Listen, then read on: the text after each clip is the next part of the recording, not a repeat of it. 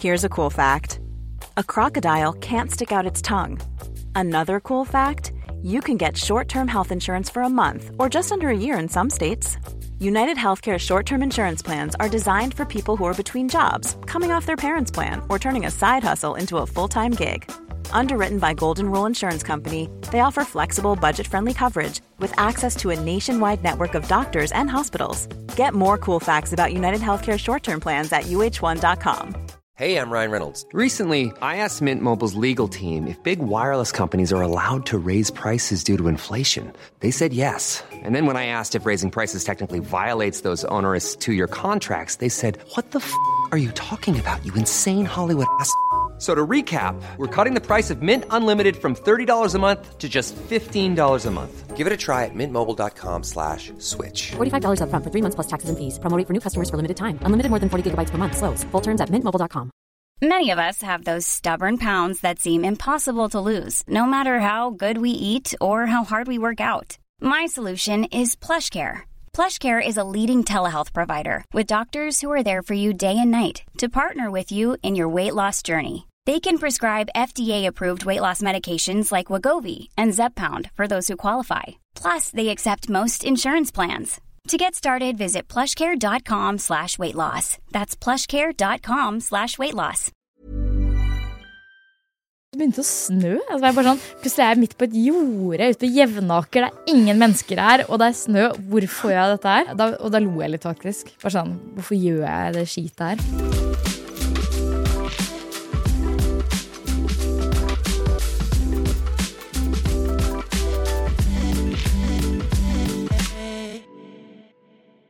Hei og velkommen til treningsprat. Du hører på meg, Anders Muren. Thomas Brun. Og i dag har vi med oss en veldig flott gjest. Ja. Emilie Næring heter hun. Veldig mange kjenner hun kanskje fra enten Kompani Lauritzen, ganske sterk andreplass der, men enda sterkere er den figuren du viste der.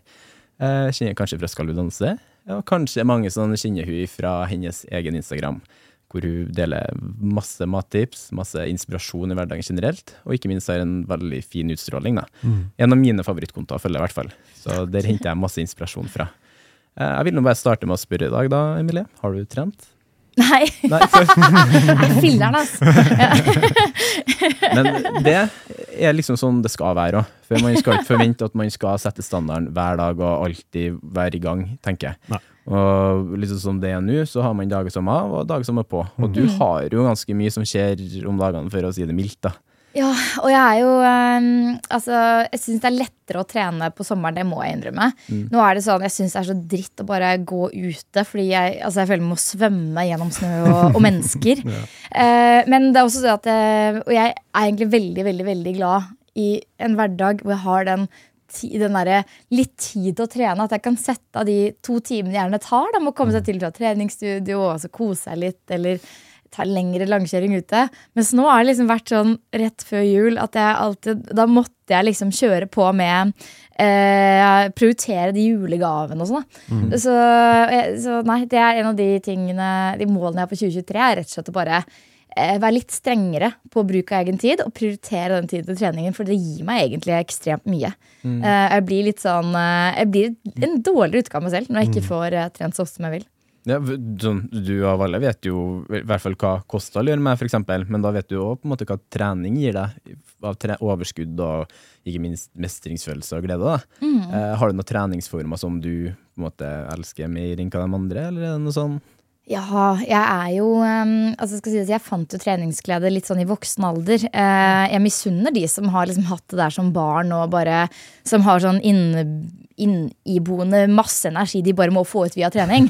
Der er ikke jeg. Jeg trives veldig godt å sitte stille og ro, rolig. Men um, jeg fant løpeglede uh, da jeg ble egentlig sånn over 20 år.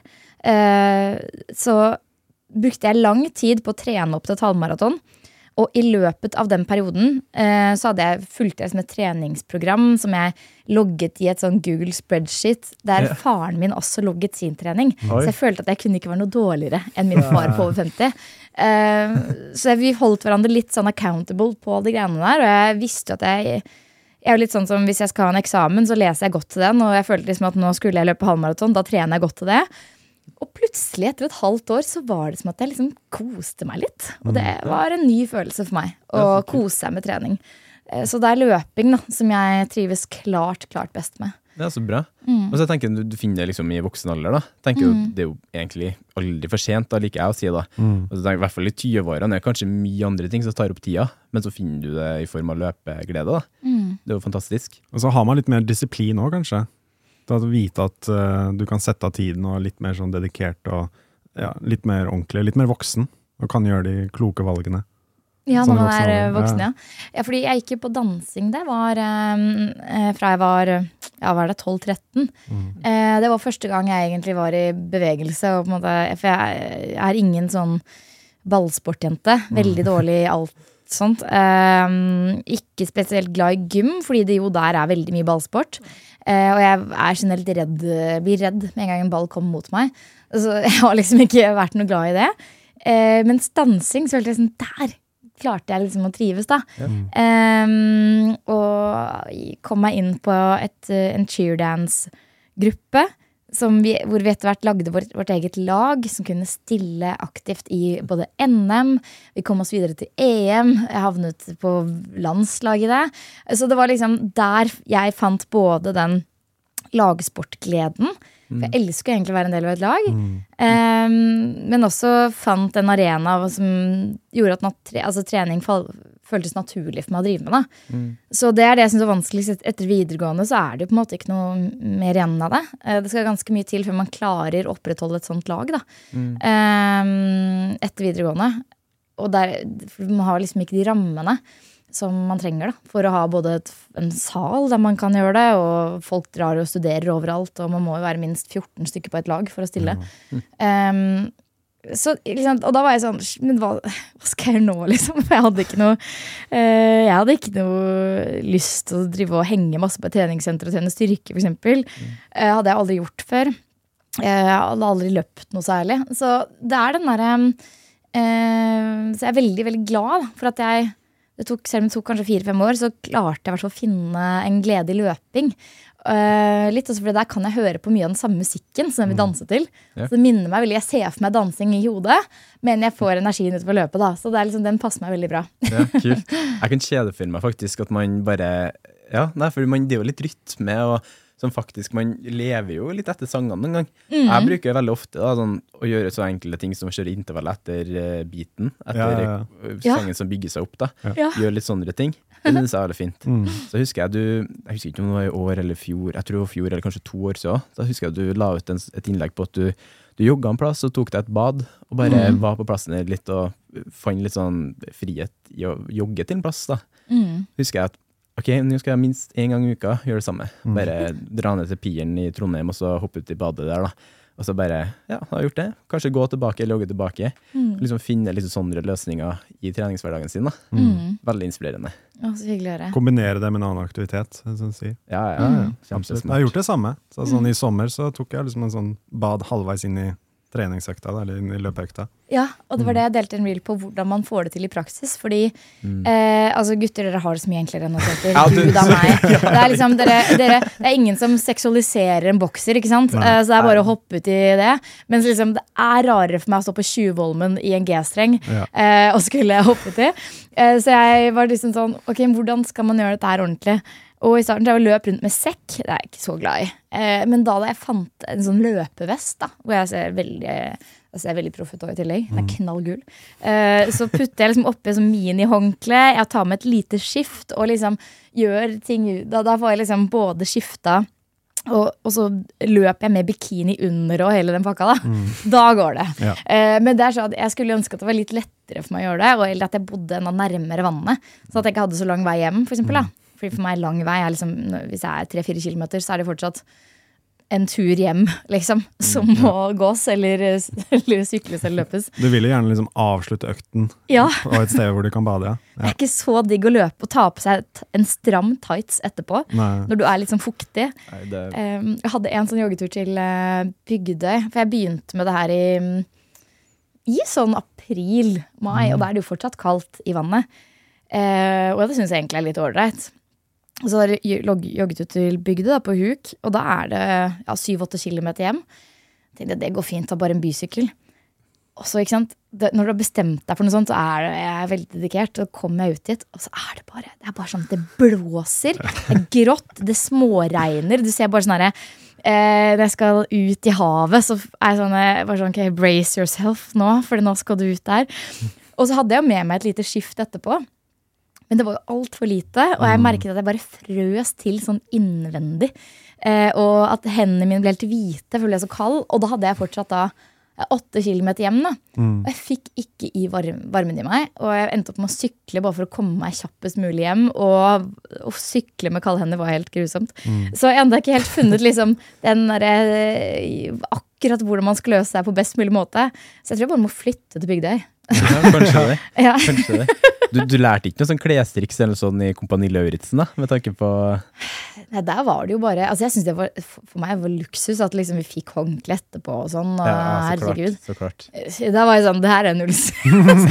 I forhold til den bygdeturen min, så er jo det her eh, helt eh, ålreit. Ja. Altså, badingen på Kompolæresen gikk jo kjempegreit. Ja. Eh, for meg, i hvert fall. Eh, men eh, også fordi det er sånn altså, Når de stiller med teppe og sånn etterpå. er Kjempedigg. Så da har man ingenting å klage over. Du gjorde jo veldig bra på de øvelsene dere skulle svømme og være under vann og sånn. Altså, jeg vet ikke om du tuller nå, men jo, det var den Var ikke- ene gangen jeg havnet helt helt nederst, var jo en svømmeøvelse. Var det den du dukka under den eh, Ja, fordi jeg fikk jo klaustrofobi under vann. ja, Eh, Så kaldt, altså det kalde vannet går helt fint, mens da var det jo rett og slett jeg stanget inn i hver eske. Og da følte at jeg Da, da trodde jeg at jeg skulle drukne. Sånn, jeg fikk de assosiasjonene da, under vann. Så da gjorde jeg det ganske dårlig. Um, men alle andre badeøvelser så gikk det greit. For det er ikke noe liksom Hvis jeg ikke skal inn i et trangt rom, så går det bra. Ja. jeg hadde slitt med det her også, om det ikke var vann. Eh, så liker jeg ikke trange rom. Så Og så vann samtidig, da blir det sånn ja. ja. Det er liksom det verste jeg kan tenke meg. Eh, Men det skjønner jeg. Ja, Det mitt skjønner jeg verste mareritt. Ja. Eh, men det, det var mestringsfølelse å klare å gjennomføre. Ja. ja. men eh, det var da det var, ganske, det var flere som på en måte trodde da at jeg ikke likte vann. Og det er jo ikke det egentlig som er tilfellet. Jeg bare hater trange rom. Mm. Eh, og når pusten blir sånn dårligere, da det sliter jeg litt. Hyperventilere litt og Ja, Mm. Det bare skjedde automatisk. For jeg tror kanskje det inntrykket jeg sitter igjen med, at man, på en måte den mestringa du satt igjen med, kanskje var høyere enn hva resultat eh, Kanskje det? Mm. Kanskje det er riktigere å si? Absolutt. Ja. Det er jo at jeg eh, sånn eh, Det skal ikke være Man kan ikke si noe på innsatsen min der. Det kan man ikke. For det, jeg ga alt. Og jeg fikk jo veldig mye sånn kudos for å i det hele tatt gjennomføre, selv om jeg hadde helt uh, panikkangst. Eh, men uh, det var Det var ikke den øvelsen jeg mestret best. det var å holde seg våken gjennom hele natt. Det går fint. Ja, det hadde jeg slitt med. Det hadde jeg slitt med skikkelig. Ja, ja, ja. Der hadde jeg sovna ganske, ganske fort. Jeg prøvde én gang å liksom holde meg våken en hel natt, men kom ikke lenger til sånn ja, morgenen. Og da prøv, kan jeg spørre hvorfor du prøvde? Det var, det var en kompis av meg en gang. Vi, vi, vi prøvde bare liksom for sånn eksperiment å dokumentere det da, med video. Og så Han klarte to netter, men jeg klarte bare én natt. Og jeg bare det, Jeg sovna mens jeg sto stille. Ja. Så jeg sto oppreist og sovna. Så jeg var så, så sliten. Så jeg sa dette går ikke mer. Jeg, jeg klarer ikke å holde meg våken engang hvis jeg står oppreist. Så da, Ja. Meg på ungdomsskolen var jo en heftig gamer, og hadde masse gamervenner. Så vi Mm. lana jo sånn to-tre netter i strekk. ja, ikke sant? Og der, eh, men jeg, jeg kan ikke huske på sist gang nå har jeg ofra søvn for noe. da. Derfor det er søvn det første på prioriteringslista mi. da. ja, fordi vi har jo skjønt nå også hvor viktig det er, med Ja, tanke uff. på å kombinere det med trening og sånne ting. Mm. Så liksom, du må sove nok, hvis ikke så Hvordan er du der, egentlig? Jeg er helt elendig. Jeg Er sover jo nesten ingenting. I natt så har jeg vel sovet eh, f- ja, seks timer, fem-seks timer eller noe sånt. Ja. Det er ganske sånn, eh, fordi jeg prioriterer heller de gode øyeblikkene og, og livet.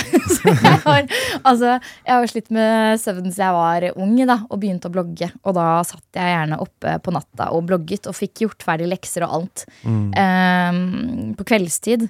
Så jeg la meg kanskje ved klokken var to, og så var det jo opp igjen klokken syv for å dra på skolen. da. Og sånn, sånn holdt jeg på i ganske mange år. Så jeg tror seriøst jeg på en måte ble vant til litt å, å klare meg på mindre søvn. Men det forstyrra jo hele søvnmønsteret mitt, så jeg er jo sånn som ofte ikke får til å sovne før klokken er to. Uavhengig hvor lenge jeg har ligget i senga, eller mitt, hvor lite jeg har sovet dagen før, så er det på en måte Det er som at hodet mitt ikke er innstilt på å sovne før to, da. Eh, så den er litt, det er litt frustrerende. Men jeg er jo Jeg klarer meg overraskende bra. Eh, det er liksom ikke sånn at jeg må sove dritbra for å prestere bra på verken trening eller i løpet eller noe sånt. Men jeg vet jo at sånn jeg vet jo hvor viktig det er. Jeg har lest masse søvnbøker om det. og jeg, jeg, har liksom, jeg vet det egentlig, Men når det, når jeg, hvis jeg har et dilemma sånn åh, Skal jeg enten nå kose meg med å se et eller annet på TV-en altså liksom, eller nyte et glass vin og prate med typen min, og sånn, så er jeg sånn prioriterer heller det. Og så får jeg heller ta det dagen etter, sånn det kommer. Men ja, det er ikke helt bra. Akkurat det du er nå, samboeren min, hun er prikk lik. Ja. Akkurat samme. Ja, hun vet viktigheten, så jeg prepper jo ganske godt med det. Altså, jeg, jeg sier det veldig klart, da. Mm. Men uh, hun lever frem gode øyeblikkene. Mm. Men hun er veldig flink til å tilpasse det, da. Så vi, vi er gode på å tilpasse oss til hverandre, da. Ja, Det er vi. det er bra. Mm. Uh, altså, du, du nevnte jo blogg nå, gjorde du jo. Uh, Eh, det var 14 år du starta? 13, faktisk. Mm. Begynner å begynne noen år siden. 2008-2009? 2009. Ja, sånn var det. Mhm. For du var jo, ble jo egentlig veldig fort en av Norges mest leste blogger, ble du ikke det? Jo, det skjedde veldig fort, det. Ja. Eh, Det var vel bare fem måneder jeg hadde blogget før jeg var på førsteplass. Så Ja. det gikk veldig fort. Ja, Kult. Skrev du noe spesielt om trening eller noe sånt da, eller hva, hva var hovedfokuset da? Nei, ingenting. Altså, det var jo, på den tiden så var det jo det eneste vi, vi kategoriserte 90% av norsk blogg om, var jo Det kaltes bare rosa blogg. Ja. Eh, jeg liker jo ikke det begrepet fordi det indikerer at det er noe overfladisk og eh, jentete. Men det var jo bare Jeg tok jo bare bilder og filmet og lagde videoer om alt og ingenting. Eh, og når jeg ser tilbake på det, syns jeg faktisk det er litt gøy å se. Fordi i de videoene så er liksom Jeg bjuder på, og jeg tuller og er liksom bare sånn ufiltrert og uaffektet av uh, at folk skulle kritisere meg på den tiden. Ikke sant? Jeg bare la ut alt jeg ville. Um, og det likte jo folk, da. Ikke sant? Det gikk rett hjem, det. Og så passet jeg på at videoen ikke var for lang eller kjedelig. Så jeg klippet veldig sånn hurtig. Litt sånn som man ser på reels og sånn i dag. Så um, jeg eh, tenkte ganske bevisst på hva jeg drev med, og hadde det bare veldig gøy med det. Eh, og så blogget jeg også liksom om at jeg drev med dansing, da. Eh, og det cheerdance-laget. Så det var jo sånn jeg eh, Ja, mange syntes sikkert var gøy å se, da. Eh, Men jeg var jo og jeg er veldig jeg bare tok video av dansetrening og så delte jeg det uten å, uten å tenke over om det var bra eller dårlig. Ja. På den tiden var det ganske dårlig, men det var liksom eh, Det var jo den eneste måten jeg trente på. Så det, og jeg tenkte ikke over at det var trening engang. Så det var litt sånn herlig, herlig den tiden der. Det er jo den beste form for trening, da. Når Ja. man gjør trening som på en måte man ikke tenker over at ja, men det er jo faktisk trening. Mm. Så enkle ting som for folk flest, da, gåturer, bare å vandre litt og samle skritt, da, det er jo faktisk en treningsform. Det er det. Og det er jo så positive helseeffekter med det. Eller spille fotball, som du også sier. Også. Altså, Ja, hvis du blir invitert til å spille fotball på Løkka, eller noen sånne ting. Ikke Mm. tenk på at det er en intervalløkt. Nei, Det er, Det bare, er du spiller bare. Det er det det er. Det det er. fotball. Det er Ja, det er kjempeslitsomt. Ja. Aldri blitt så støl enn å ha spilt fotball i en og en halv time. Nei. Jeg er jo litt mer nysgjerrig på sånn, sånn, Du har jo hatt to TV-deltakelser, eller du hadde flere, da. 70, var ikke på 71 grader nord? Jo, da jeg var 18 år, så var jeg på 71 grader nord. Så det er ganske mange, det var 2014 eller noe sånt. Ja. Ja, herregud. Men sånn, sånn tenker Skal vi danse og kompaniene, da, som har vært i nyere tid. Mm. Treningsmessig, tok du og forberedte deg noe spesielt da? Ja, altså i 2019, da hadde jeg hatt mine eh, det, 2019 var det året jeg fikk runners knee, sånn veldig heftig.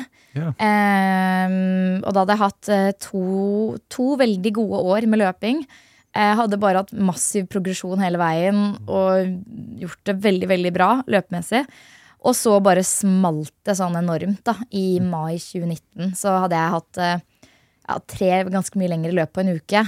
Hvor jeg hadde meldt meg på også sånn Beitostølen halvmaraton. Og jeg husker at jeg hadde så vondt i knærne før det løpet at jeg liksom svelget nedpå masse Paracet og Ibux for å gjennomføre. Det er jo ikke smart, da. Det er kanskje på tide å ta en liten pause, da. Men jeg hadde ikke lyst. For jeg tenkte liksom, jeg vet jeg får det til hvis jeg først begynner å løpe, så går det greit. Eh, og da var det sånn at jeg ikke klarte å gå ordentlig på en stund. Og da Det var jo samme Det var jo samme måned, tror jeg, som jeg fikk forespørsel om å være med på Skal vi danse.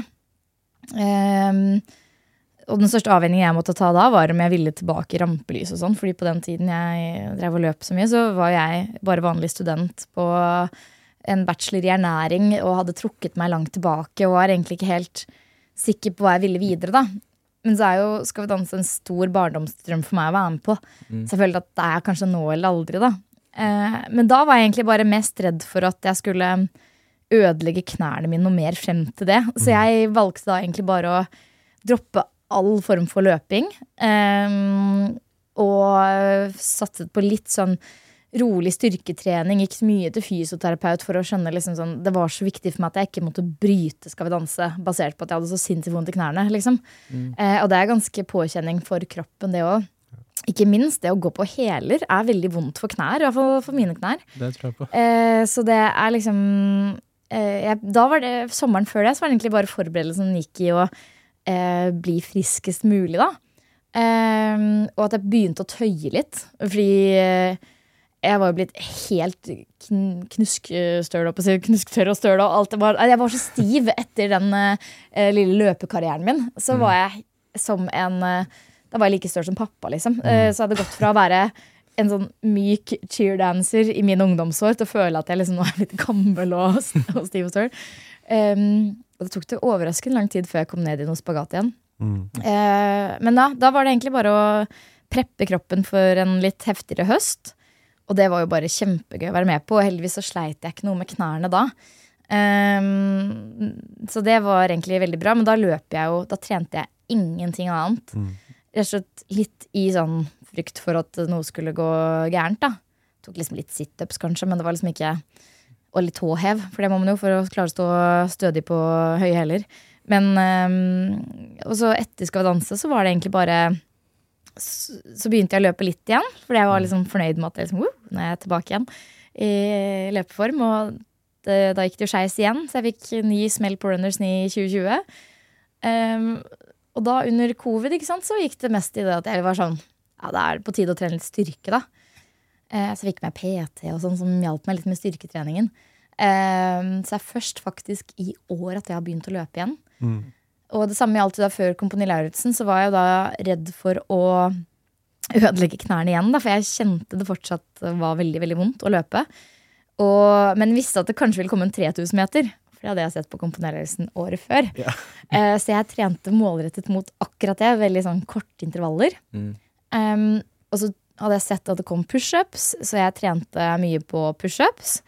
Og så visste jeg at man skulle gå med sekk. Så det var liksom de tre tingene jeg gjorde sommeren før. da så ble det jo verken 3000 meter eller pushups, men det ble mye gåing med sekk, og der var jeg god. Så det var, det var liksom Noen av forberedelsene kom godt med, i hvert fall.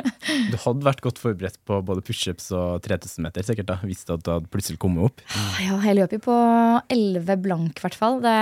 På 3000 meter før en eller to uker før jeg skulle inn. Det er rått. Så det, var, det hadde jo vært uh, den beste tiden. Altså i hvert fall Jeg vet ikke om det bare hadde vært én sesong å komponere Lauritzen eller to, men to sesonger hadde vært det, hadde vært det hadde vært den beste tiden hittil. Åh, det var litt surt å ikke liksom få vist frem det, og så kommer sånn teit hinderløype i stedet. Um, Hvor jeg ikke er noe god. Uh, men uh, herregud, det var liksom bare én øvelse av dritmye av det vi gjorde. Og det som man ikke kunne forberedt seg på i det hele tatt i forkant av komponilærelsen var jo det mentale. Um, så det var jo en egen Da fikk jeg en bratt læringskurve i det hele tatt. Det å bare tilpasse psyken til det militære regimet. Um, og der, det må jeg si at der var jeg egentlig ganske god, da. Fordi jeg i utgangspunktet er vant til å tenke positivt. og vant til å jobbe aktivt med psyken for å liksom få det bedre i enkelte situasjoner. Um, det har jeg eksempel lært under løpingen, da, hvor jeg har vært gjennom noen Jeg har løpt maraton før, og halvmaraton, og ganske noen heftige løp hvor jeg halvveis har vurdert å bryte, men må jobbe bare med meg selv mentalt for å gjennomføre. Og det tok jeg jo med meg inn i Kompani Um, og det var en sånn øvelse som jeg tror på en måte ingen kunne Jeg tror ingenting annet kunne forberedt meg på det. Mange sier jo det også med maraton og sånne lengre løp og sånne ting også. Det er det mentale som ryker først, hvis du ikke er forberedt på det. Altså mm. Kroppen tåler det på et eller annet vis, med mindre du skader deg. Men det er det mentale. Som, som går først. Og hvis du, ja, hvis du har litt i ryggen, og du ser verdien i det også, du ser verdien i utfordringen, så tror jeg det, man kommer seg veldig langt. Mm. Jeg husker jeg tenkte Hver gang vi hadde en øvelse inne på Kompani hvor vi veldig ofte vi bare skulle ta på oss sekk og skulle bare gå, og ingen visste hvor lenge eller hvor vi skulle. Og det er sånn de gjør bare for å psyke oss ut. Mens da var jeg alltid innstilt på at sånn, ja, den, den turen her kan vare i hvert fall La oss si i hvert fall seks-syv timer. Um, og så var den jo ferdig etter sånn tre. Og da var jeg litt mer sånn ok, halvveis av det jeg forventet. Og det er det jeg føler liksom at eh, jeg tjente mye på, at jeg alltid gikk inn det veldig sånn med en positiv innstilling. Jeg visste at sånn, dette er uansett bra for kroppen. Sant? Her får jeg gått litt, og jeg får trening og, woo, og natur. og eh, liksom Fokuserte på alt det positive, da, som, eh, og la fokus på noe annet enn hva som foregikk inni meg selv. For da kunne jeg begynt å fokusere på at åh, jeg er jo sliten, og åh, herregud. Og, ikke sant? Begynt med det. Men eh, hvis man, altså for meg hjelper det veldig ofte å rette fokus utover og fokusere på det som er rundt. Være litt i øyeblikket også. Veldig. Ja. Jeg var jo, i, jeg var jo førstegangstjenesten, og da jeg husker jeg at akkurat det samme der. Våkna opp liksom tre på natta, skulle ta med oss alt av utstyr og andre linjer og hele pakka der, og så skulle vi ut og marsje da, på glattisen og hele pakka der. Må man bare liksom snu det litt positivt om det. Jeg tenker Når man har med seg sånn, Du har jo gjennomført et maraton, liksom, da har du holdt på uansett tre timer pluss i aktivitet, liksom. så du vet jo at du kan holde ut på litt Ja. høyere tempo, liksom. Så Ja. egentlig. Egentlig. sånn, jeg og Thomas vi driver på med triatlon, da. Mm. Ja, det er heftig. Og da Vi holder på i fem, seks, sju, åtte, ni timer, faktisk. Herregud, så drøyt. ja. Jeg har gjort en på nesten 17 timer en gang. Ja. Det er, det er mentalt. Det er Fy veldig, veldig mentalt. Hvor langt uh, sykler og um, svømmer dere da? Det er full Ironman, så det er 3,8 km svømming først. og så er det herregud. 180 km sykling, og så er det fullt maraton til slutt. Da. Og da avslutter vi på toppen av et fjell. Så det er sånn 1000 høydemeter eh, på løpingen. På de siste 10 km er det sånn 800 meter løping. eh, Opp, rett opp. Og det som at når man har gjennomf når terskelen er man, hvis man klarer å gjennomføre det, Ja. så vil jo ja, i et sånt løp som er på bare da, åtte timer, liksom, da vil jo det være sånn ah, lett. Jeg har jo gjennomført noe som er mye lengre. Så det er jo noe med bare eh, kontinuerlig pusle litt grenser, da. Ja, men det var det som skjedde. Jeg løper på Oslo Maraton selv, jeg løp full maraton der, og da undervurderte jeg eh, maratonet. Fordi Mm. jeg tenkte det er jo bare løping. Jeg, har, jeg skal jo ikke sykle eller, eller svømme først. Ikke sant? Og da kroppen brøyt ned etter 32 km. Ja, Og da kom krampene og sånne ting. Og skikkelig, skikkelig ille. Jeg trener jo han. Jeg hjelper med løpinga og trening og alt. da. Og jeg sa til han ikke start ut for tungt nå. Og så så jeg på den live-trackeren og bare Ja. følg med. Jeg hadde deg på den live-trackeren min. da. Mm. Ja. Og så så jeg Thomas da være sånn Ta nå springer han i tempoen ikke springer så ofte i. Ja. Ikke sant? Og så plutselig ble det sånn Nå har Thomas gjort det siv. Ja. så jeg bare vært Ja. litt sånn Men det var rått gjennomført lella. Det var- ja, det var gøy, men jeg kom fem minutter over ønsket tid. da. Jeg skulle klare på under fire timer. Så Ja. kom jeg på fire timer og fem minutter. De Ja. fem minuttene, de er sure, ass. De er Det veldig, veldig sure. Men det er sånn, det skal sies at hvert eneste løp jeg har hatt, tror jeg, uten unntak, så har mine to siste kilometer vært de raskeste. Ja, Så du pleier jeg- å få litt ekstra på slutten. Ja, og jeg har vært ganske god på å disponere, faktisk. Mm. Eh, og så har jeg alltid lurt på sånn ah, Jeg kunne sikkert fått inn et minutt der, ikke sant? Et, eller et halvt minutt der. Men så er det vanskelig å si, da. Fordi det er den derre den, uh, It's a fine line før du liksom uh, pusher kroppen for mye for tidlig. Mm. Uh, så jeg har bare løpt ett maraton, og det var fra Det er egentlig Ringeriksmaraton. Jeg er fra Hønefoss, og der er det årlig Ringeriksmaraton, som er egentlig Norges største maratonstafett. Um, så det vanlige er jo at alle sånn At du og kollegaene dine melder deg på et åttemannslag, og så løper man fem kilometer hver. Um, og da har jeg løpt en etappe her og der. Og så var det det året så hadde jeg egentlig lyst til å løpe halvmaraton, men ingen hadde lyst til å dele den distansen med meg. da um, Så jeg var jo sånn Jeg tar hele. Uh, og det var jo uh, Så da løp man fra Hole til Jevnaker. Og så gikk det jo egentlig veldig bra, men det jeg kjente på da som var så drit, var at det, det er jo nesten ingen andre som løper Ringeriksmaraton som maraton. Det er ingen som ser på. Altså Når du har løpt eh, ned til byen og løper forbi der, så har du løpt et halvmaraton. Det er ingen i løypene. Og det er ingen som har lagt opp til at, at eh, maratonløperne skal få liksom banan eller saft. eller Nei, sant, ja. Så jeg var liksom sånn utsultet etter 30 km. Så var jeg sånn, herregud, jeg har jo ikke med meg noe på meg. Eh, Eh, Det er ingen bananer noe steder. Det er faen meg ikke saft engang. ikke sant? Og jeg ble helt sånn desperat i blikket på hver drikkestasjon. Så var jeg sånn Saft! Så var så, og så var det liksom så Jeg husker jeg bare tenkte på det sånn Det er jo nesten ingen som eh, Det er jo ikke så Jeg løp jo faktisk ganske raskt, som gjør at det var ikke så mange rundt meg heller. da så jeg først, Og så begynte det å snø. Altså, jeg sånn, plutselig er jeg midt på et jorde ute på Jevnaker. Det er ingen mennesker her, og det er snø. Hvorfor gjør jeg dette her? Så da var det også bare sånn hæ, da, Og da lo jeg litt, faktisk. Bare sånn, Hvorfor gjør jeg det skitet her?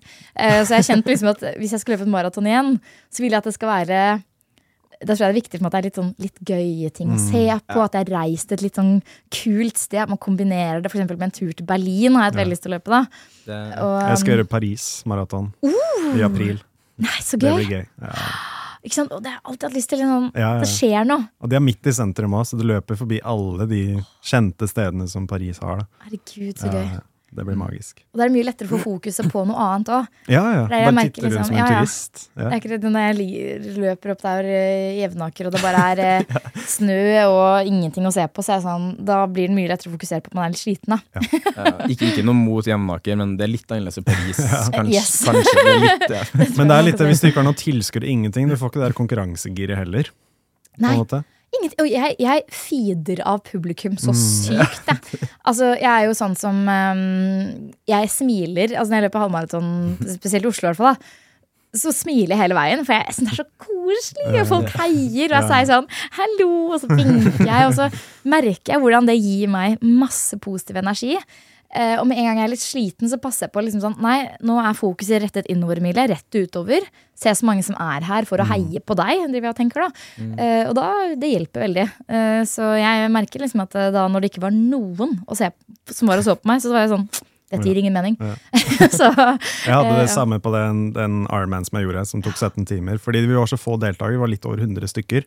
Og det var liksom fra punkt A til B, så det Ja. var ikke noen sånne runder, ingenting. Mm. Så jeg var jo alene hele tiden. Jeg hadde ingen rundt meg. Det var Noen ganger så var det noen som sykla forbi eller løp forbi, eller jeg sykla forbi dem, eller sånne ting, men utenom det så var det absolutt ingen der. Og du møtte de folkene som støttet deg sånn annenhver time, kanskje, i to minutter, og så var det videre, da. Så du var helt alene hele dagen. ah, fy søren. Og da er det sånn her, Du har ingen å på en måte klage til, snakke til, eller som heier på det. Absolutt ingenting. Og da begynner du å tenke sånne ting. da. Bare sånn, hvorfor, hvorfor gjør jeg dette? Hvorfor gidder jeg? liksom? Dette er bare slitsomt og sånne ting. da. Virkelig. Altså, jeg har én løpeopplevelse som er min best, egentlig en av de beste løpeopplevelsene jeg vil fortelle om. For da er den derre eh, Det var i 2018 Nei, det var i 2019 hvor jeg var løp så mye. Og så hadde jeg meldt meg på Eco Trail. Som jeg Ja, leste, den ikke sant, at den er sånn, litt mer sånn du løper i skogsløyper og sånn. Og det syns jeg hørtes veldig ålreit ut. da Men ja, For jeg har løpt mest på asfalt. Men det jeg ikke, ikke hadde sett for meg, er den energien som faktisk kreves for å løpe i terreng. Ja. Den er eh, verre enn å løpe på en rett asfaltlinje. Um, og da jeg kom til, og så hadde jeg meldt meg på tre mil, og jeg løp ofte ikke lenger enn en halvmaraton. Så etter jeg da liksom hadde kommet meg til, gjennom liksom, Nå hadde jeg tikket inn på 21 km, så var jeg så sliten. Ferdig, og det var et år hvor det var masse masse gjørme. Så man ofte gikk i gjørma. Det var bare sånn drit, og det var ingen som så på og heiet. Ikke sant? Så kjente jeg sånn Når jeg kom meg til et punkt hvor jeg, her vet jeg det går en buss fra. Her kan jeg komme meg hjem. Nå er jeg i sivilisasjonen. Og jeg begynte liksom mentalt forhånd på at vet du hva, nå, jeg har vært flink, jeg har løpt en halvmaraton. Det her er helt konge, liksom. Bare bry, litt sliten og litt vondt i knærne. Bare bryt her. Det, det er mer enn bra nok. Og jeg, liksom, jeg var ekstremt klar for å gi meg, egentlig. Og så var jeg sånn La oss gi det et, altså, altså, la oss gi det et siste forsøk, da. Og så ser jeg det er to karer som løper eh, foran. Det ser ut som liksom to kompiser som prater litt. Så tenkte jeg det ser litt hyggelig ut. Um, la meg bare se hvor lenge jeg klarer å holde meg liksom, i tempoet deres. da Så løper jeg bort til dem, og jeg bare sånn Hei, hei! så de bare, hei. Ja. Jeg bare, Hvordan går det? Så begynner jeg liksom å aktivt innlede en samtale med disse her. da bare, Jeg heter Emilie, og liksom prøver å bli kjent med de. Og så var det bare sånn, så tok det kanskje bare fem minutter, så plutselig var jeg i en sånn ålreit samtale med dem. Og eh, vi liksom aktivt eh, pusha hverandre. Og ikke sant, tok fem minutter, så hadde jeg switcha mentalt fra å gi meg til å egentlig ikke huske at jeg var så sliten, og eh, at det liksom gikk helt fint å fullføre løpet. Og da tenker jeg sånn, hvor mye av det som er mentalt, da? Det er helt vilt. Men det er også rart som du sier, fordi det, man har jo de mulighetene hvor liksom, du kan sette deg en buss, du kan sette deg en bil, du kan bare gå ut av løypa, så er du ferdig. Men det tar kanskje ti minutter, da, og du har kommet deg litt igjen og sånne ting, og du liksom får litt energi tilbake igjen. Angre med en gang. Det er sånn der, ah, Du Ja. kommer til å angre hvis du ikke fullfører. Det, akkurat det er sånn, det. den følelsen av å komme i mål uansett er så mye bedre enn den følelsen av å liksom bryte fordi du er ikke har, sliten, er sliten mentalt. Mm. Så, så Med mindre du liksom skader deg, eller du merker at nå kommer det noe varig nå, Mm. Så er det vanskelig. Eh, Da kommer man til å angre. Som på kvelden også. Det tror jeg Og så alle spør ja, hvordan gikk det, hvordan gikk det, hvordan gikk det. Så bare sånn, du, du vil si at du kom i mål. Ja, ja, det er akkurat Det det. er litt noe sånn, det sitter dypt inne. Det gjør det. Det gjør det. Men sånn, eh, vi snakka litt om uh, viktigheten av næring nå, under det maratonet som mm. ikke var så mye næring tilgjengelig. da. Absolutt ikke. Eh, og med din kunnskap rundt næring, da, tenker jeg det er veldig naturlig for meg å spørre deg litt om uh, hvordan forbereder du f.eks. mat eller sånn rundt dine treningsøkter? Har du noen tanker rundt det? Eh, absolutt. Jeg, jeg vet jo at hvis jeg skal trene utholdenhet, så er det viktigere for meg å ha et måltid med mer karbohydrater enn hvis jeg f.eks. skal trene styrke. Da, da er det også viktig at, liksom, at jeg har energi til økten, men eh, da, da spiser jeg gjerne litt mer proteiner. Så, uh, mens hvis jeg på en måte skal ta en løpetur, så er det helt. Da vet En litt lengre løpetur, i hvert fall. Så funker det ikke hvis jeg spiser eksempel mye egg, da. Egg og cottage cheese. Det blir liksom Det både kjennes tungt i magen. Men da kan jeg også kjenne etter hvert at jeg faktisk kan gå litt tom. Mm. eh, og det kjenner jeg som fysisk i beina. At, eh, at de tømmes på en måte for glykogenlagrene. kan jeg på en måte merke etter hvert. Uh, så det er både litt erfaringsbasert, at jeg vet hva slags mat som funker for meg. Men også selvfølgelig av det jeg har lært da, i, med fagene idrettsernæring og sånn. Eh, og jeg syns det var veldig interessant å lære om uh, altså carboloading før et uh, løp Ja. eller før en utholdenhetsprestasjon. Uh, hvor de har regnet liksom, hva er den beste måten å Eller hvor mange gram karbohydrat per kilo kroppsvekt skal du få i deg dagen før, gjerne, da, for å maksimere glykogenlagrene. Og det er jo helt enorme mengder. Da jeg prøvde å sette opp en slags ko kostplan for hvordan jeg skulle få det i meg, så gikk det ikke med mindre jeg spiste godteri og Ja, rent sukker. Ja. Ikke sant? Altså, det er ikke sjans, for jeg la inn vanlige måltider med både liksom, brød, litt grovbrød, kanskje havregrøt og pasta, og ting som man tenker er veldig på karbohydrater. Jeg var ikke i nærheten av det jeg egentlig skulle. Um, så da har jeg liksom skjønt liksom at dagen før et eh, løp for min del, da er det bare kose, ass. Mm, smågodt og og Ja, ja, og liksom bare småkaker og kose seg med det. Eh, samtidig som skal, så sies det at sånn Rent erfaringsmessig, nå har ikke jeg dritmange løp, og jeg er ikke noe idrettsutøver, så jeg har liksom ikke masse meritter å vise til i forhold til hva som har funka der og da. Men det er to løp hvor, hvor jeg har gjort det veldig bra under løpet. Hvor jeg dagen før absolutt ikke har hatt en særlig bra oppladning. Hvor jeg enten har vært på byen, eller jeg har eh, eh, liksom Det var et år hvor jeg ikke hadde helt tenkt ut hva jeg skal spise. Så jeg endte med å spise en sånn egentlig bare dagen før spist liksom noen druer, en nyt proteinbar og taco. Så jeg hadde liksom spist både altfor lite kalorier og for lite karbohydrater. Og alt, og så presterte jeg likevel kjempebra på selve løpet. Um, så jeg tror ikke man skal heller Jeg tror det er viktig å ikke stresse rundt det. Uh, jeg tror det har også en mental effekt av at du, hvis du vet at du har gjort noe smart før et løp eller før en økt, at du har eh, ernært kroppen din på en bra måte, at du mentalt føler deg godt stilt. Um, og så vet vi at karbohydrater har en prestasjonsfremmende effekt. Da. Um, så jeg har heller fokusert på det å uh, Altså jeg vet at timing er viktig, sånn at jeg ikke får hold. eh, ikke sant? At man presterer bra per økt. Men også det at uh, den matgleden trening gir, da, Mm. den har jeg merket veldig på Ja, det, at, sant, I perioder med mye trening så smaker mat også mye bedre. Og jeg føler man havner i en god sirkel der man ved å ha gjort et godt valg for egen kropp og egen eh, helse, så tar man kanskje et bedre helsemessig valg i matveien også. det er sant. Um, så jeg eh, tror den mentale effekten som trening og kosthold kan ha sammen, er veldig stor. eh, som ikke kanskje snakkes nok om. Og eh, at det Jeg har aldri hatt så avslappa forhold til mat som egentlig etter jeg begynte å trene. For da føltes det så riktig Ja. å ta vare på kroppen sin av de grunnene. Kontra å føle at man måtte passe på hele tiden fordi man å, ikke skulle legge på seg. Eller, ikke sant? Det fokuset på en måte forsvant da, Ja. med treningen. Men jeg syns det er så fint at du sier akkurat det her. For jeg føler akkurat på samme sjøl, i hvert fall etter at jeg begynte Etter Etter jeg switcha fra eh, styrketrening, da. Jeg før drev på med stilt fitness og sånn. Mm. Og etter jeg var ferdig med det, og la det på hylla og fant mer glede i å gå ski og eh, trene mot Birken, og etter hvert begynne med løping og trene mot maraton, og etter hvert triatlon, da. Mm. Jeg har aldri før følt meg så vel i egen kropp, og aldri følt meg så vel som jeg gjør nå på kjøkkenet. da. På grunn av at jeg blir så motivert uh, under treningsøkta mi. har Jeg tenkt, ok, måltid her, sånn kan jeg sette sammen det etterpå, liksom, og så leke meg litt med det. da. Mm. Og så plutselig har man jo en superrett å glede seg til òg, etter treninga. Ikke sant? Så den følte jeg aldri på før, men nå de siste to-tre årene kanskje, så har jeg bare Jeg har aldri spist så bra og så fint som jeg gjør nå, da, Ja, egentlig. og så kan du spise mer av det. Ja, ja, så hvis det sånn- er, en, sånn hvis det er en, et måltid du gleder deg til, og så slipper du da å være veldig eh, sparsom på hvor mye du kan spise òg. Mm, jeg tenker spesielt. Hvis du har drevet med fitness, der er det jo veldig eh, strengt gjerne, da. eh, Det kostholdet man har. Det var ille. Eh, og jeg har tenkt på det av og til når jeg har sett Jeg har aldri satt meg inn i et, måte, et fitnesskosthold sånn opp mot konkurranser. For det, det vet jeg at det ofte er både snakk om en gradvis nedtrapping av karbohydrater for eksempel, og salt. Og liksom de har, at det er veldig sånn konkret. Men også at det alltid vært litt sånn fascinert med sånn Jeg føler at det, man spiser da kun basert på makro. Ikke sant? Her er det fett, karbohydrater, protein.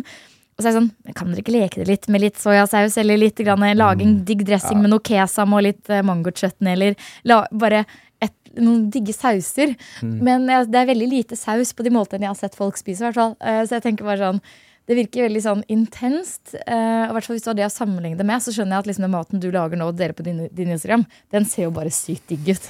Ikke sant? Det ser ikke ut som noe sånn fitness, uh, uh, kjedelig fitnesskosthold.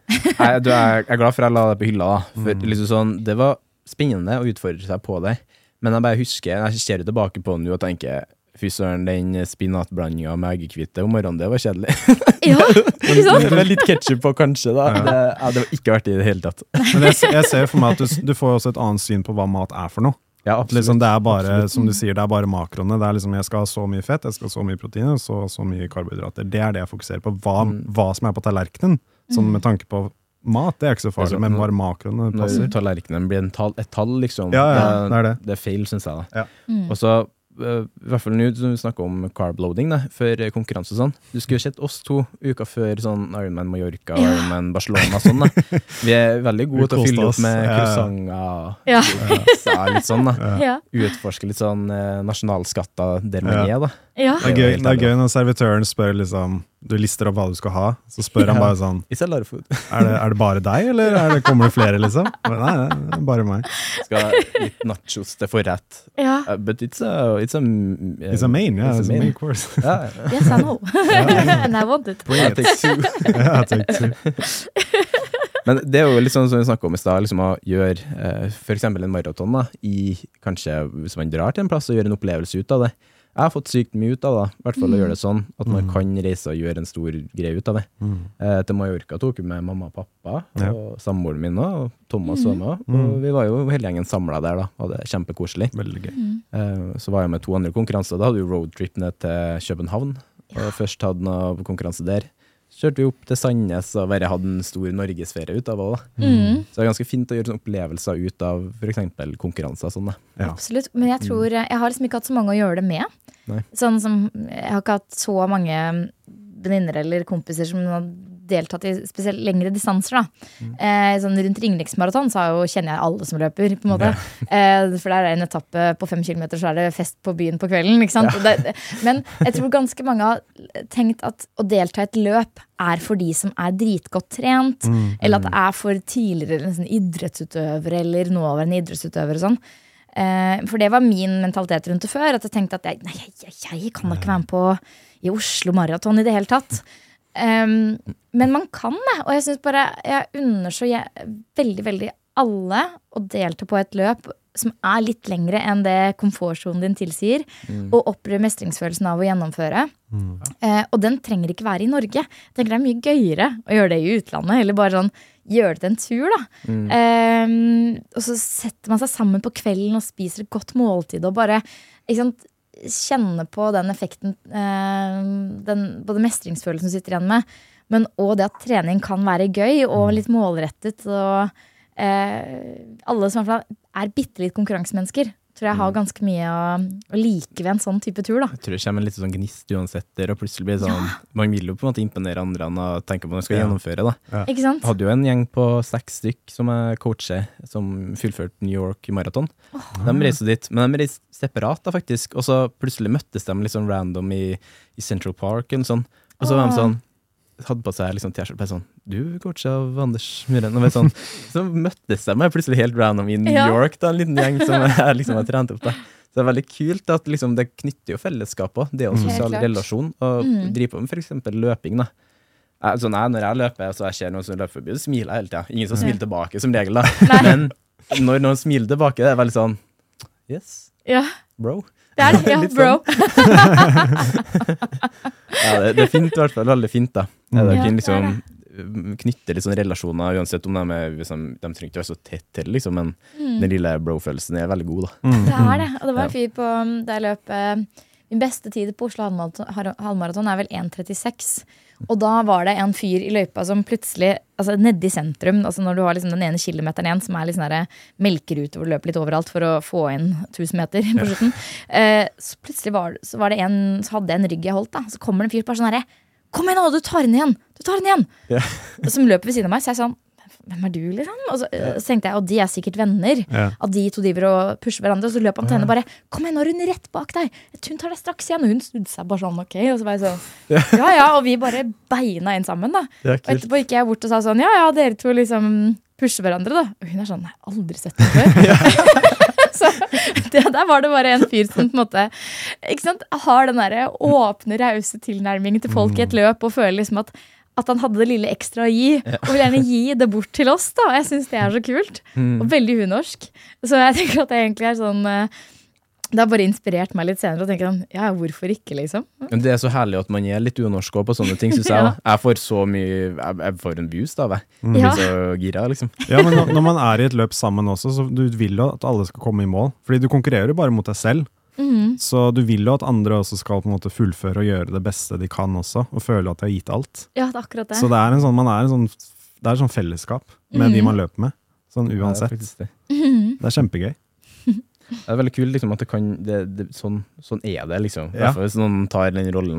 Ja. Jeg kan være litt sånn Jeg var tidligere gruppeinstruktør på noen crossfit-greier, og da var jeg liksom sånn jeg kunne nesten bli Jeg blir så motivert på deres vegne, så står Ja. pushe pusher seg sjøl. Og da tar jeg over helt sjøl, da. Du, du spurta i mål også i Barcelona. Gjorde Ja, nei, Mallorca, ja, Barcelona òg, Ja, ja. Vi var- en Ironman i Barcelona, så plutselig Ja, så spurte han i mål. Så han begynte å løpe, løpe om kamp med en fyr som jeg tror han ikke visste. Ja, Han, jeg tror ikke han visste at man skulle løpe om kamp. Ja. Jeg hadde en fyr i hælene mine. Jeg Ja. hørte. Han kom vel Du hører jo når noen trappe opp tempoet. Så hørte han, og så tenkte jeg det her blir en kamp om Ja. klokka. ja. Jeg tok han. Jeg gjorde. Men etterpå, Nice. vi omfavna jo hverandre og ga en klem. Ja. Random fyr fra Irland, egentlig, sånn. Ikke som jeg aldri har sett før, liksom. Ja. Men eh, der og da føltes vi som bestevenner, Mm. faktisk. Ja, men, ja, men du gjorde det i Mallorca også. Det er den der følelsen at du skal, du skal komme i mål og føle at du har gitt alt. Mm. Det, er, det er Ja. noe med det. Ja, det. Uh, I nyere tid har du jo lansert uh, et uh, trenings... Uh, klesmerke. Ja, eh. Ja. Kan ikke du fortelle litt om det? Hva, hvor hvor starta egentlig det fra? Eh, Det startet egentlig med at jeg selv eh, sant, fant veldig den treningsgleden. Og for meg handlet ikke det om kropp. Det var ikke sånn at jeg trente meg for å få en bestemt kropp eller for å bli tynnere, men at jeg faktisk opplevde hvor, hvor godt forhold jeg fikk til egen kropp av å, av å løpe, av å ernære den skikkelig, og at jeg fikk et sånt godt fokus på det. Men da jeg skulle kjøpe treningstøy, så opplevde jeg for det første at det var veldig eh, snevert hva man fikk se av kropper der. Veldig, veldig, veldig sånne tynne kropper. Jeg følte ikke det var noe brand som fokuserte på det helsemessige, egentlig, ved trening. Eh, og ikke minst så, så fant jeg ikke noe særlig bærekraft inn i bildet. da. Eh, og jeg er litt opptatt av å gjøre gode, sånn, litt grønnere valg. Og så tenkte jeg over det bare sånn Her er det jo, det er jo ingenting måte, å- eh, for meg å handle nå. Eh, hvis jeg bruker 2000 kroner på denne nettbutikken, så vet jeg faktisk ikke helt hva pengene går til. Eller hvem det går til. Så jeg savnet åpenhet i det. Og i akkurat samme periode hvor jeg var litt sånn frustrert over disse tingene her, så ble jeg kontaktet av en gjeng med jenter på min alder som gikk på en entreprenørskole i, i Trondheim. Som spurte sånn Hei, du, vi, har, eh, vi, lurt, vi liker profilen din så godt og lurer på om du ville tenke deg, eller kunne tenke deg å drive ditt eget brand. Og så er jeg sånn det var som at bare sånn, det var helt vilt. eh, Jeg var sånn, Har dere vært inni hodet mitt? Eller har dere hørt meg snakke på gata? Eller, ikke sant? Av og til lurer du på om telefonen din hører deg. Ikke sant? Om Google hører Så er sånn, det her er veldig scary. Og det var da vi startet prosessen med å lage dette merket. da. Eh, Og så kom jo korona, så det var veldig vanskelig å på en måte få realisert det nå før i år. Eh, både fordi jeg ville, få besø jeg ville besøke fabrikken, jeg ville se det med egne øyne at det her er en bra produksjon. Og at jeg ville finne et materiale som funker dritbra til trening, da, men som er mer bærekraftig. Og der har vi fant et materiale som består av eh, plast fra havet, rett og slett. Som resirkuleres da og brukes til å lage veldig veldig sli slitsomt eh, treningsmateriale. Så i høst så kunne jeg lansere Shero, eh, som jeg syns både er basert på gode verdier. Eh, det er eh, langt mer bærekraftig enn de fleste andre treningsmerkene der ute. Og um, som jeg føler er viktig for fremtiden, at alle brands tar en sånn, et sånt standpunkt.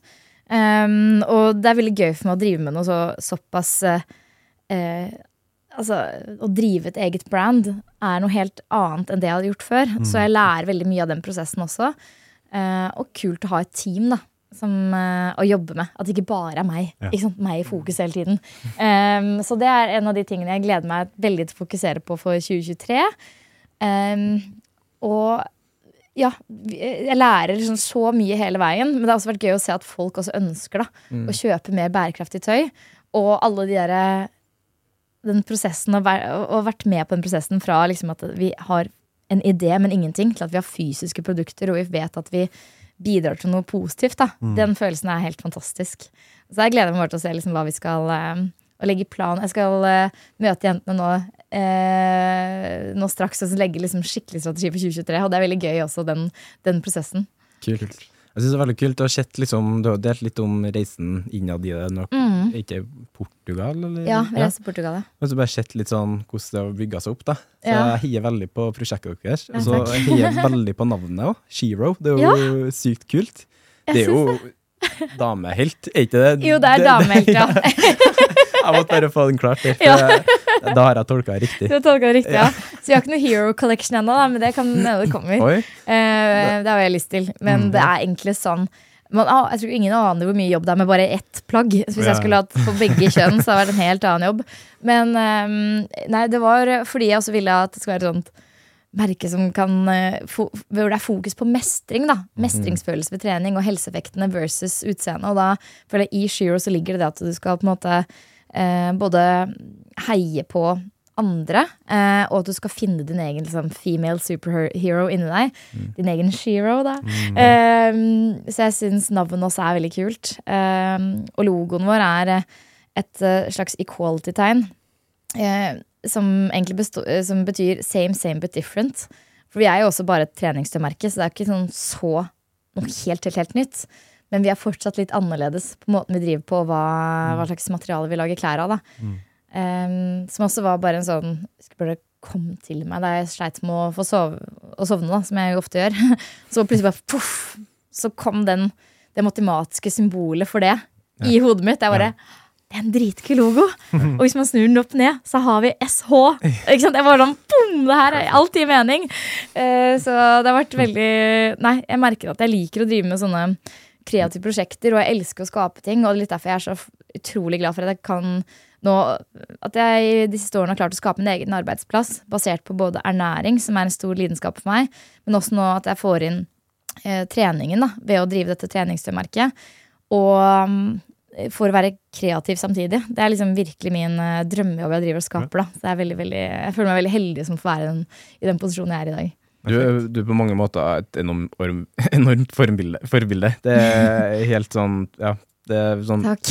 både egentlig alt det gått gjennom og fått til, da. Eh, fra starten av det som var boet, liksom, til den du har blitt nå i dag. da. Det er enormt kult. Det er det. Veldig gøy. Eh, så vil jeg bare avslutte og spørre en siste ting. Har du noe treningsmål for eh, 2023? Eller er det Yes, jeg har tenkt til å Altså nå, nå bare sier jeg det, så må jeg følge det opp. I år skal jeg få til en hangup. Ja. Ja. Ja. Dere, dere er sånn Å, det var så litt, ja. Men det, det, det sitter så innmari langt inne, og jeg har jobbet med det siden 2020. Um, og det er som at hvis jeg ikke gjør det på en uke eller to, så er jeg tilbake på start igjen. Uh, det sitter, jeg har på en måte nesten klart det hvis jeg har smalt grep, men sånn vanlig hangup-grep har jeg ikke fått til. Um, og, for jeg er såpass dårlig på å trene styrke at liksom jeg er ikke så ofte på treningssenter engang at jeg får øvd på to ganger i uka. Så jeg, målet mitt er nå både å trene mer styrke, få til hangupen, og gjerne flere, da. Eh, klare å stå på hendene uten vegg. Em, og så er det jo å fortsette å klare å løpe jevnlig uten å eh, få runners knee igjen. Og da vet jeg med meg selv at sånn, det er ikke nødvendigvis målet mitt å slå min beste halvmaratontid, men målet er heller å eh, oppleve progresjon. Liksom at jeg kan løpe litt raskere på intervaller. Men at fortsatt eh, at jeg justerer ned løpemengden og litt opp styrkemengden. Sånn at jeg får eh, the best of both worlds. Da. Um, så jeg elsker å trene mot sånne konkrete ting som å for stå på hendene eller uh, hangup. da. Fordi det gir meg så mye mestringsfølelse. Um, og det er veldig målbart. Men jeg syns f.eks. at sånn å løfte litt tyngre og sånn, da aldri, liksom, aldri klart å gi meg samme mestringsfølelse som akkurat det å føle at jeg klarer noe kult. da. som Nei, det jeg, stå jeg skjønner godt hva du mener. Så det er mine mål, treningsmål for 2023. Kult. Jeg gleder meg til vi får en update og bare Nå gikk første pullup, Ja, og så noen måneder senere jeg har klart fem. Ja. Det blir bra. Målet er seriøst ja, innen februar å ha klart hangupen. Eh, Så får vi se om det er, eh, om det er eh, mulig. Men jeg, jeg tror det, da. Fordi, og så er det neste målet er egentlig å få en sant, Som jeg nevnte liksom innledningsvis også, å, å skape min egen arbeidshverdag der jeg har tid til trening. For jeg har faktisk muligheten, jeg, som selvstendig næringsdrivende, til å justere arbeidstimene mine, sånn at jeg har tid da, på fritiden. Men den høsten jeg har, eh, hadde liksom i 2022, da, med både bokskriving og lansering av treningstøymerket og alt annet jeg skulle gjøre i tillegg, og flyttet for meg selv og uh, måtte ta på meg ekstra oppdrag for å betjene to lån samtidig, og det var ganske heftig, så bare måtte jeg nedprioritere trening, for det var ikke sjans. Så jeg har liksom gledet meg så sinnssykt til det nye året ved å bare få litt mer ro, bedre tid til, til trening og ta vare på meg selv, og få inn en god rutine. Jeg elsker det å høre. Høres Det er ut. Ja, jeg gleder meg. Og med en så positiv og god avslutning på episoden, tenker jeg det er på tide å bare ta og runde av her. Og så igjen, tusen takk for at du var med på episoden. Jeg er veldig 100 sikker på at uh, lytterne sitter igjen med en god opplevelse her. Mm. Eh, jeg og Thomas gjør i hvert fall det. Ja, det er vi som du gjør det Ja, jeg gjør det. det kjempegøy. Tusen takk for praten. Tusen takk, det var veldig hyggelig å prate med dere, og gøy å få høre deres erfaringer òg. For vi har liksom noe likt, selv om dere er mer ekstreme enn meg. Så det var veldig ålreit å være her. Tusen takk. Takk, takk.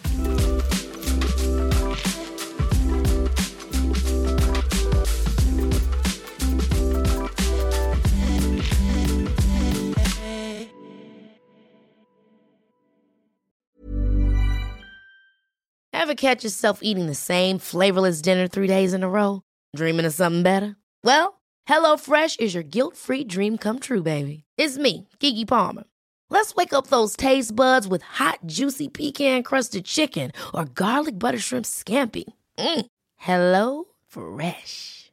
Stop dreaming of all the delicious possibilities and dig in at HelloFresh.com. Let's get this dinner party started. Mom deserves the best, and there's no better place to shop for Mother's Day than Whole Foods Market. They're your destination for unbeatable savings, from premium gifts to show-stopping flowers and irresistible desserts. Start by saving 33% with Prime on all body care and candles. Then get a 15-stem bunch of tulips for just $9.99 each with Prime. Round out Mom's menu with festive rosé, irresistible berry chantilly cake, and more special treats. Come celebrate Mother's Day at Whole Foods Market. Planning for your next trip? Elevate your travel style with Quince. Quince has all the jet setting essentials you'll want for your next getaway, like European linen, premium luggage options, buttery soft Italian leather bags, and so much more. And is all priced at 50 to 80% less than similar brands. Plus, Quince only works with factories that use safe and ethical manufacturing practices. Pack your bags with high-quality essentials you'll be wearing for vacations to come with Quince. Go to quince.com slash pack for free shipping and 365-day returns.